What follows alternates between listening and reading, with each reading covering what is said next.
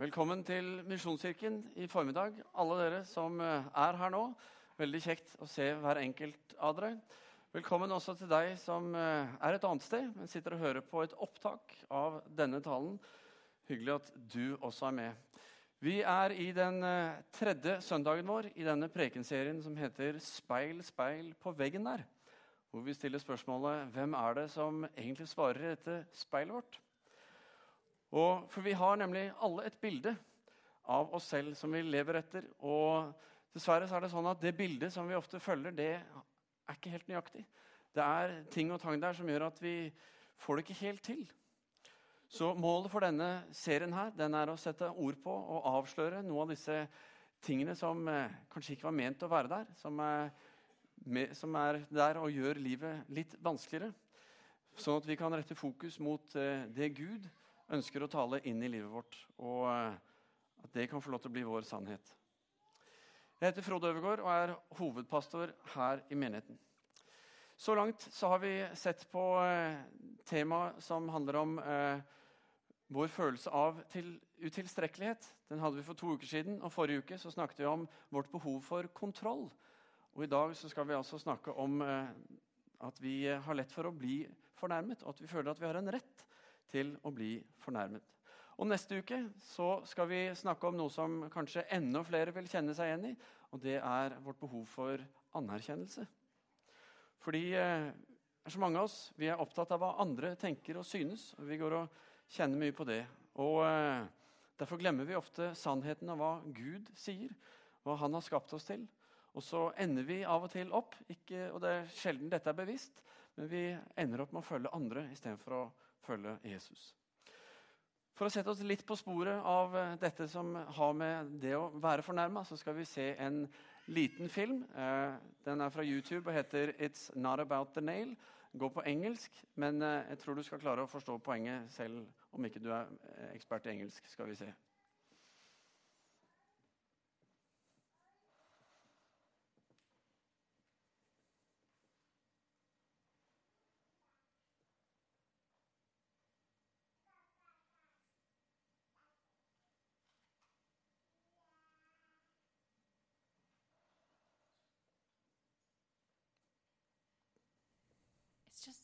There's all this pressure, you know?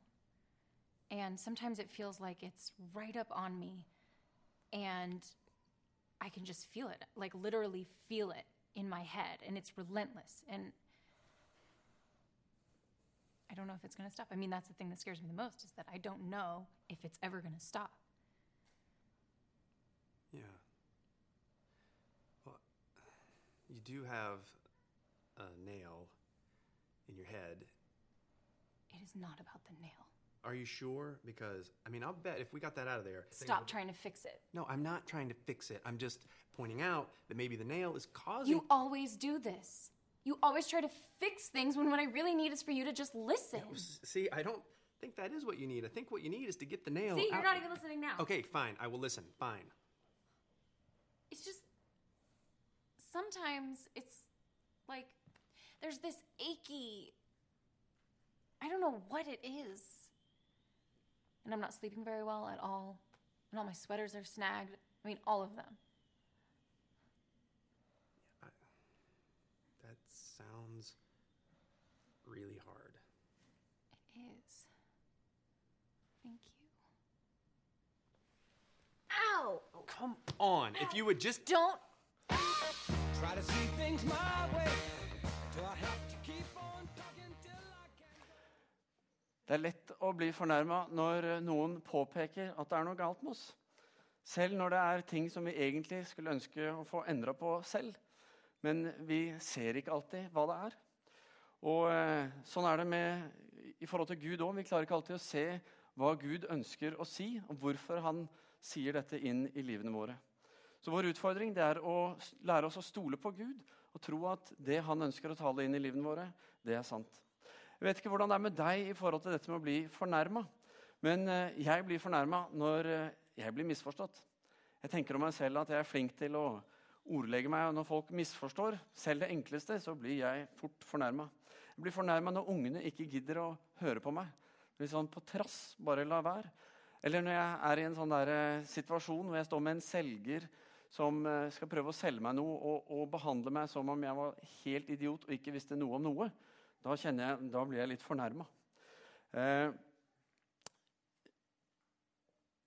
når eh, jeg står og prater med folk som eh, eh, later som at jeg er interessert i å høre det jeg har å si, men eh, som egentlig ikke er det, som er mest opptatt av bare å få formidla det de tenker på.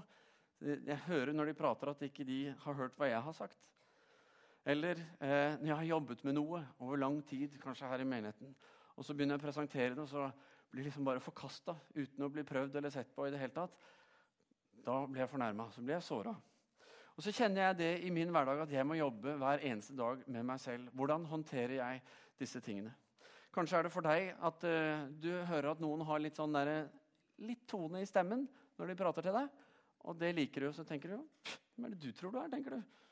Eller kanskje du uh, opplever at det er noen som er trege til å svare. Jeg mener Du sendte jo tross alt en SMS for fem minutter siden. Eller kanskje det gikk en time eller to, og de har ennå ikke svart. Og du bare tenker hva i all verden er det som feiler dem? Hvorfor svarer de ikke? Skjønner de ikke dette? Og så blir vi fornærma. Eller kanskje noen gjør noe dumt eller er uheldig, og så sier de ikke unnskyld. Eller kanskje du har gjort noe for noen andre, og så sier de ikke takk. Så tenker jeg, det er takken. Her står jeg på hele tiden. ikke sant? Og så blir vi fornærma. Og det finnes uendelige mengder av eksempler tror jeg, på dette. Og eh, kanskje i, kirke så kan det være en sånn derre Å, maken til oppførsel. Sånn går det ikke an å oppføre seg. Eller Åh, tenk å kle seg på den måten. Det går da virkelig ikke an. Og Kanskje blir du fornærmet å høre noen av disse eksemplene. Eh, eller fornærmet over at vi snakker om fornærmelse i det hele tatt i kirken. Det er nemlig sånn at Vi kristne vi blir like fort fornærma som alle andre mennesker. Jeg mener, Flytt på noe eller gjør en endring i, i kirka, og det er garantert noen som blir fornærma, og vi får høre det. Eh, eller kanskje vi eh, vet Eller vi sier om eh, folk i den andre kirken der borte. At de tror de er så mye bedre enn oss. Og så er vi litt sånn fornærma over det.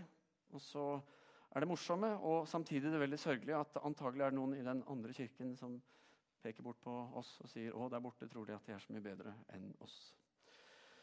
Det store spørsmålet er hvorfor blir vi fornærma så lett? Jeg tror det er fordi vi lever eh, veldig fort for vårt eget speilbilde og prøver å fikse det vi ser på egen hånd. Eh, vi er usikre, og så ønsker vi å ha rett. rett. Vi ønsker å vinne. Men da er det viktig for oss å huske at hvis vi skal ha rett, så må noen andre ha feil. Og hvis vi skal vinne, så må noen andre nødvendigvis tape. Og det kan faktisk gå så langt at vi ikke bare lett blir fornærma, men vi oppsøker feil for å bli fornærma igjen, for å leve litt i den der.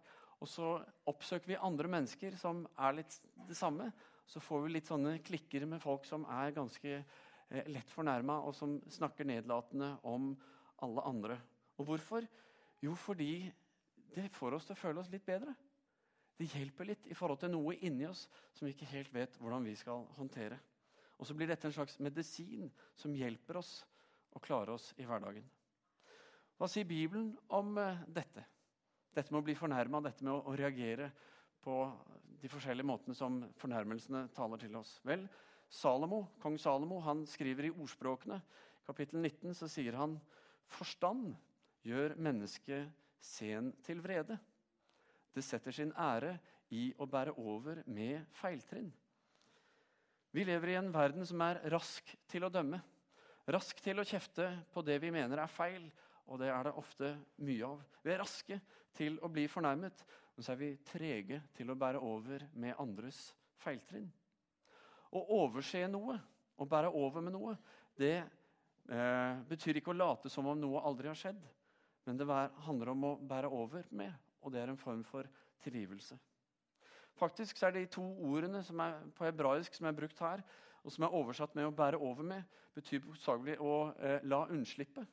Eh, eller å overse et feiltrinn. Og det er flere oversettelser som har brukt lovbrudd når de har oversatt det som står her som feiltrinn. Så vi kan si at eh, det er til vår ære å bære over med en, faktisk, noe sånt som en straffbar handling. Kanskje gjør vi det rett og slett for Guds skyld og for de vi møter. Det betyr ikke at vi ikke kan stille folk til ansvar for deres valg, men at vi, fordi det nå handler om oss, vi kan bære over med dette. Joe Ellie, navn på en eh, filippiner som bor her i Stavanger. Eh, jeg tror ikke det er han som ringer nå, forresten. Men Joeli han eh, leder en menighetsplanting i Sandnes. De planter Sandnes International Church. Og Han delte en historie med meg og en rekke andre menighetsledere for noen uker tilbake. Eh, og det er sånn at Baptistmenigheten på Hana, Sandnes, hvor Dag Eivind Nored er hovedpastor Han var tidligere ungdomspastor her for eh, noen år tilbake. Eh, de har tatt imot de har tatt imot Joelli og Sandnes International Church inn i sitt lokale for å hjelpe de i gang med den plantingen. Og Joelli han deler nå kontor med Dag Eivind. Og Så forteller Joelli at uh, en dag så kom Dag Eivind inn på kontoret, og så var han fornærmet og han var såret fordi han hadde sett en gjeng med tenåringer på utsiden av kirka, og han hadde sett de drive med hærverk på kirka. Og så eh, kommer han inn og er fornærma og sint og fra seg. Og Joe som eh, hvis du har møtt han, så kommer du til å huske han. Han eh, er på størrelse med Mike Tyson. Eh, han er som en tungvektsbokser. Han er svær. Så det han gjør, er at han går ut til disse gutta, for de er der ute ennå. Så går han bort til denne gjengen, og så sier han på engelsk Nå har jeg oversatt det for dere. Så sier han, 'Gutter, kan jeg få lov til å bli med i gjengen deres?' Kan jeg liksom henge sammen med dere? Så kan vi gjøre ting sammen. Og Da var det en gjeng med usikre og litt sånn skeptiske tenåringer som sto der og så på denne svære voksne mannen som skulle være sammen med de. Så ser han at ok, jeg må selge meg inn litt mer. Så sier gutter, jeg kan være med, jeg kan kanskje passe på dere. Være en sånn bodyguard. vet du. Sørge for at dere har det bra. Og Så prater de sammen, og så inviterer han de inn i kirka. Så setter de seg ned sammen, og Dag Eivind blir med. Og så prater de om litt av hvert. Og så begynner Joelli å fortelle om denne kirken hvor de sitter. Så forteller han eh, hvor viktig den er for bydelen, for Hana. Hvor viktig den er for de menneskene som bor der, for de som kommer dit med jevne mellomrom. Eller kanskje for første gang. Han forteller at der blir menneskers liv forandret. Der skjer det noe som er verdt å beskytte. Og Mens han forteller og legger ut om viktigheten av denne menigheten, så begynner et par av disse gutta å bli blanke i øynene. Og en av de får en tåre som renner nedover.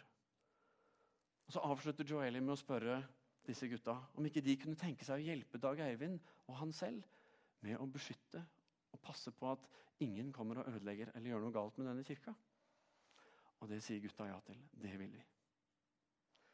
Jeg syns dette er en vakker og en viktig fortelling.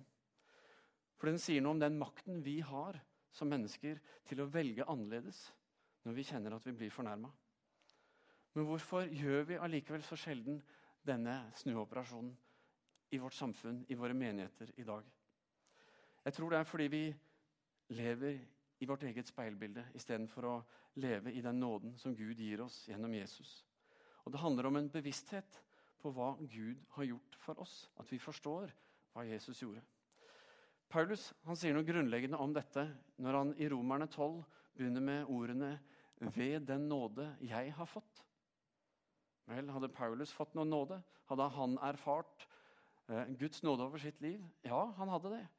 Fordi Hvis du leser om Paulus, så leser du at før han begynte å følge Jesus selv, før han valgte å tro, så var han en som forfulgte de kristne. En som eh, sørget for at de ble pisket for å gå rundt og snakke om en annen tro, som også var med, eh, medskyldig i at noen av dem ble drept. Men Gud han valgte å se potensialet i Paulus. Han valgte å bære over med det gale som Paulus gjorde mot han. Så Gud møtte Paulus med bøttevis av nåde. Og hva gjorde de andre, de kristne, som Paulus hadde forfulgt? Vel, Gud satte en Joeli, en Ananias, som han het, der til å ta hånd om Paulus, til å være med Paulus og introdusere han for de andre. Så var de skeptiske, men de tok han imot, og de møtte han med nåde.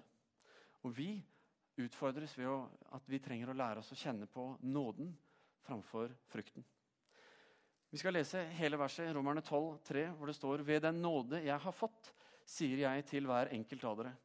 Tenk ikke for store tanker om dere selv, men vær sindig. Men tenk sindig. Hver og en skal holde seg til det mål av tro som Gud har gitt han. For ved den nåde som Gud har gitt meg, vil jeg ikke tenke mer om meg selv enn det jeg burde. Fordi når jeg ikke tenker mer om meg selv, hva skjer da? Jo, da blir jeg ikke så lett fornærma. Vi skal se på tre punkter til hva vi kan gjøre for å overvinne det vi kan kjenne på er vår rett til å bli fornærma. Den første grunnen er pga. den nåde jeg har fått, så vil jeg la tvilen komme andre til gode. Fordi Gud ser det beste i meg, så velger jeg å tro det beste om andre. I Efeserne 4, vers 1 og 2, så sier Paulus.: Så formaner jeg dere, jeg som er fange for Herrens skyld Snakker om å ha grunn til å være fornærma. Han satt der i fengsel. Jeg som er fange for Herrens skyld, at dere lever et liv som er verdig det kallet dere har fått. I mildhet, ydmykhet og storsinn, så dere bærer over med hverandre i kjærlighet. På grunn av den nåde jeg har fått, vil jeg la tvilen komme andre til gode. Er det ikke interessant hvor ofte vi ikke lar tvilen komme andre til gode? Og hva gjør vi i stedet? Jo, vi har så lett for å dømme andre for de handlingene de gjør, og så dømmer vi oss selv for de intensjonene vi har. Se åssen han gjorde det. Sånn ville ikke jeg gjort det. Se utfallet av det. Nei, Det var ikke sånn jeg ville gjort det hvis jeg fikk lov å gjøre det. ikke sant? Og så står vi på sidelinjen og peker. Og Hadde vi tatt oss tiden til å prøve å forstå hvorfor utfallet ble litt annerledes kanskje enn det vi tenkte, at vi hadde vært oppriktig interessert i den andre, vår neste, så ville vi kanskje lære at tvilen i de aller, aller fleste tilfellene kommer den andre til gode.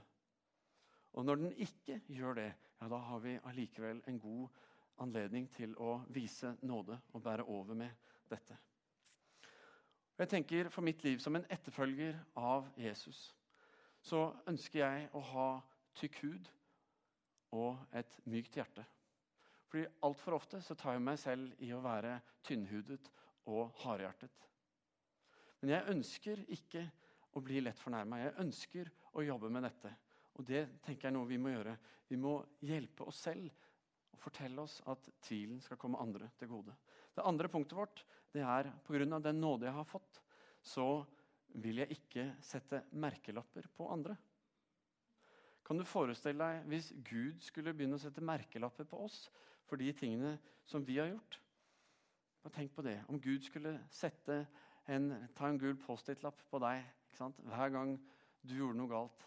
Det bør ikke være for alt en gang du har gjort, men bare for en rekke ting opp igjennom.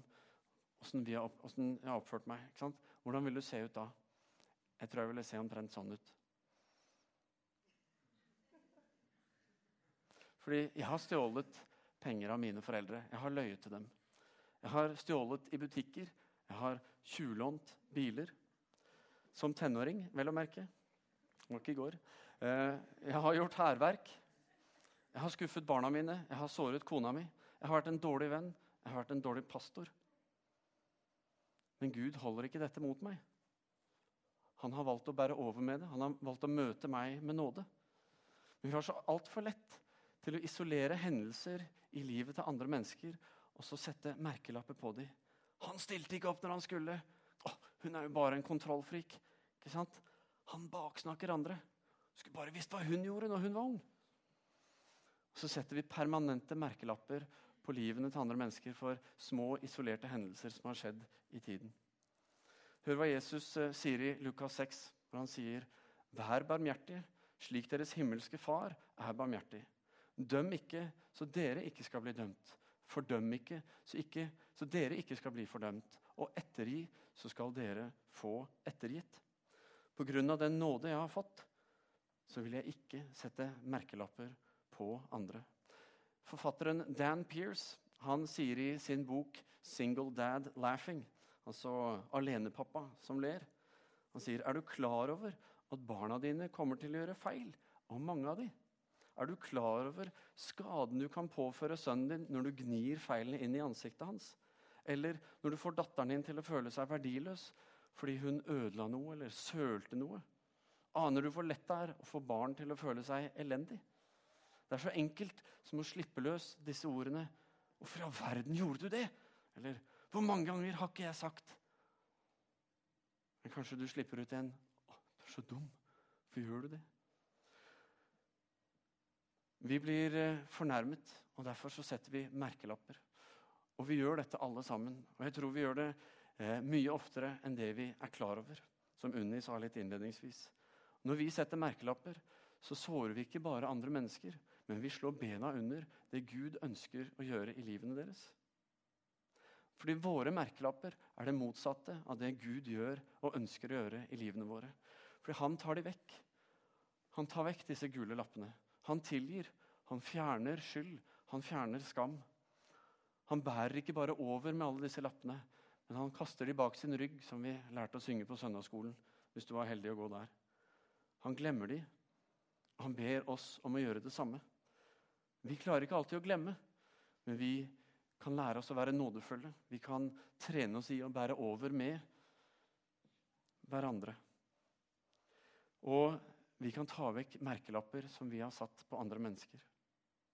Pga. den nåde som er gitt meg, så vil jeg la tvilen komme andre til gode. Og Pga. den nåden som er gitt meg, så vil jeg ikke sette merkelapper på andre. Før oss til det tredje punktet. Rett fingerantall her. Og det er pga. den nåde som er gitt meg, og dette er en viktig en, vil jeg tilgi andre som jeg har blitt tilgitt. Jeg vil tilgi andre som Kristus har tilgitt meg. Kolosserne 3 så sier Paulus.: Dere er Guds utvalgte, helliget og elsket av Han. Kle dere derfor i inderlig medfølelse, og vær gode, milde, ydmyke og tålmodige, så dere bærer over med hverandre og tilgir hverandre hvis den ene har noe å bebreide den andre. Som Herren har tilgitt dere, skal dere tilgi hverandre. Vi skal altså bære over med og tilgi det som måtte være å bebreide. Og det er ganske utfordrende. For vi har så lett for å holde igjen på tilgivelse, særlig når vi selv blir fornærma. Noen husker kanskje at eh, Kjetil Klungland var her for mange år tilbake. Eh, en tid etter at eh, Nokas-ranet hadde vært, og hans far var blitt skutt og drept i det ranet. Han sto her og kunne si at han hadde valgt å tilgi han som drepte faren.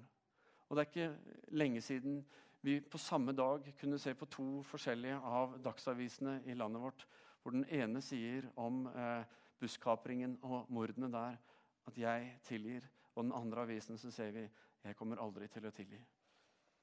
Dette er opplagt vanskelig å tilgi, og sånne saker spesielt. Fordi vi kjenner på en dyp fornærmelse. Det har skjedd noe grovt, og vi vil at Gud skal forstå dette. At han skal være enig med oss i dette.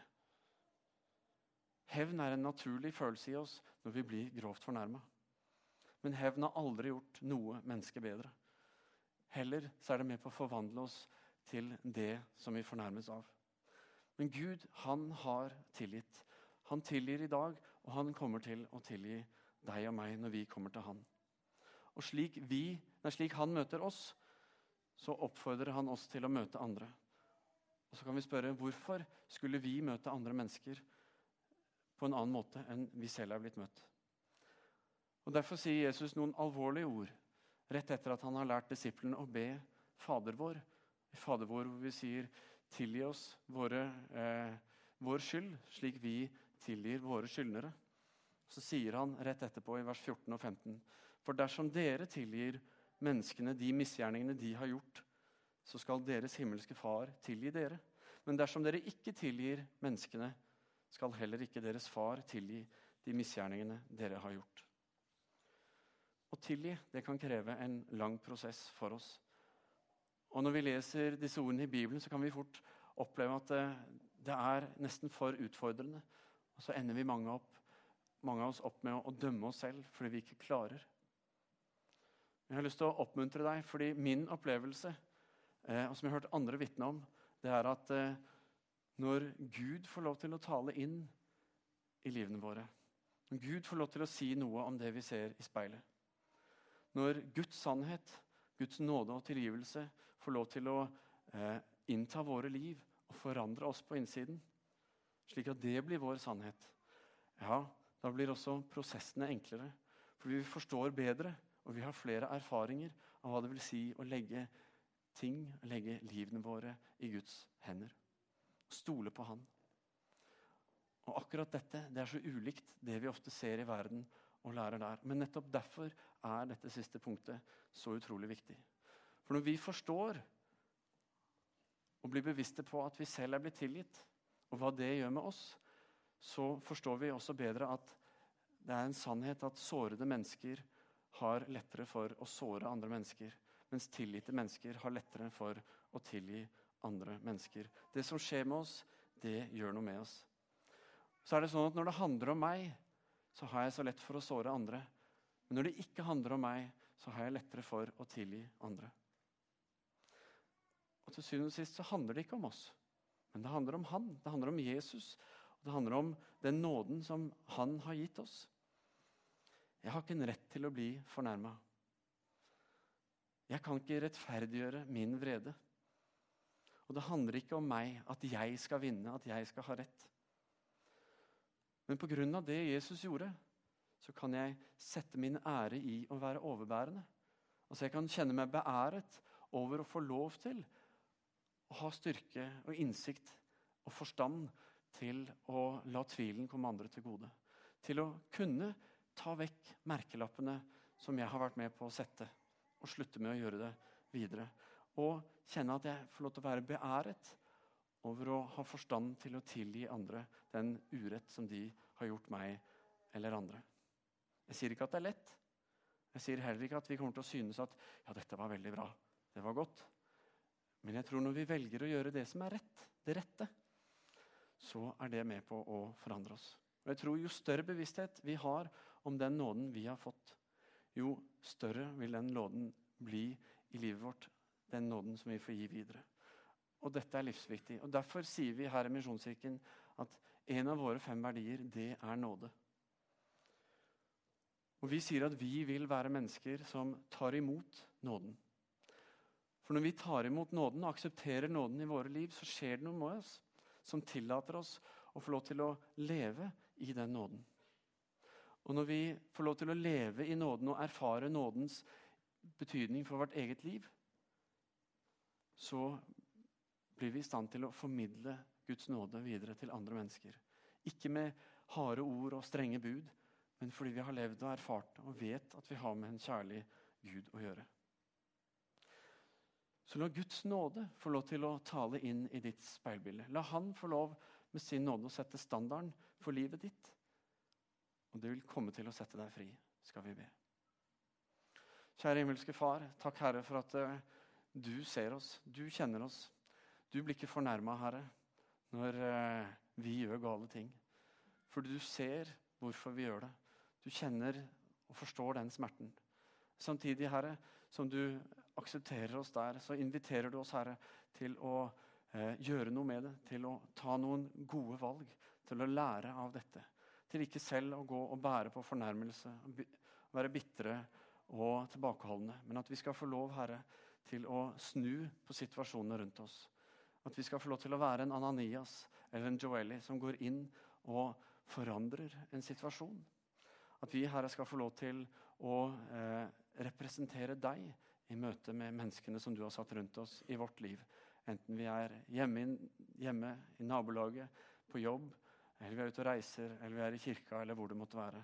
Herre, vi ber om at eh, du skal bli mer synlig i våre liv, slik at din sannhet, ditt liv, din nåde skal få lov til å være noe som kommer ut av våre liv i, de, i møte med alle menneskene, Herre som du har satt rundt oss. Herre, tal til oss dine ord. Fortell oss, Herre, hvor vi skal få lov til å eh, være overbærende. Kanskje ting som har skjedd, vi trenger å be om tilgivelse. Eller at vi trenger å gi tilgivelse. Herre, takk for din nåde. Ta ditt ord, Herre. Vi ber i Jesu navn. Amen.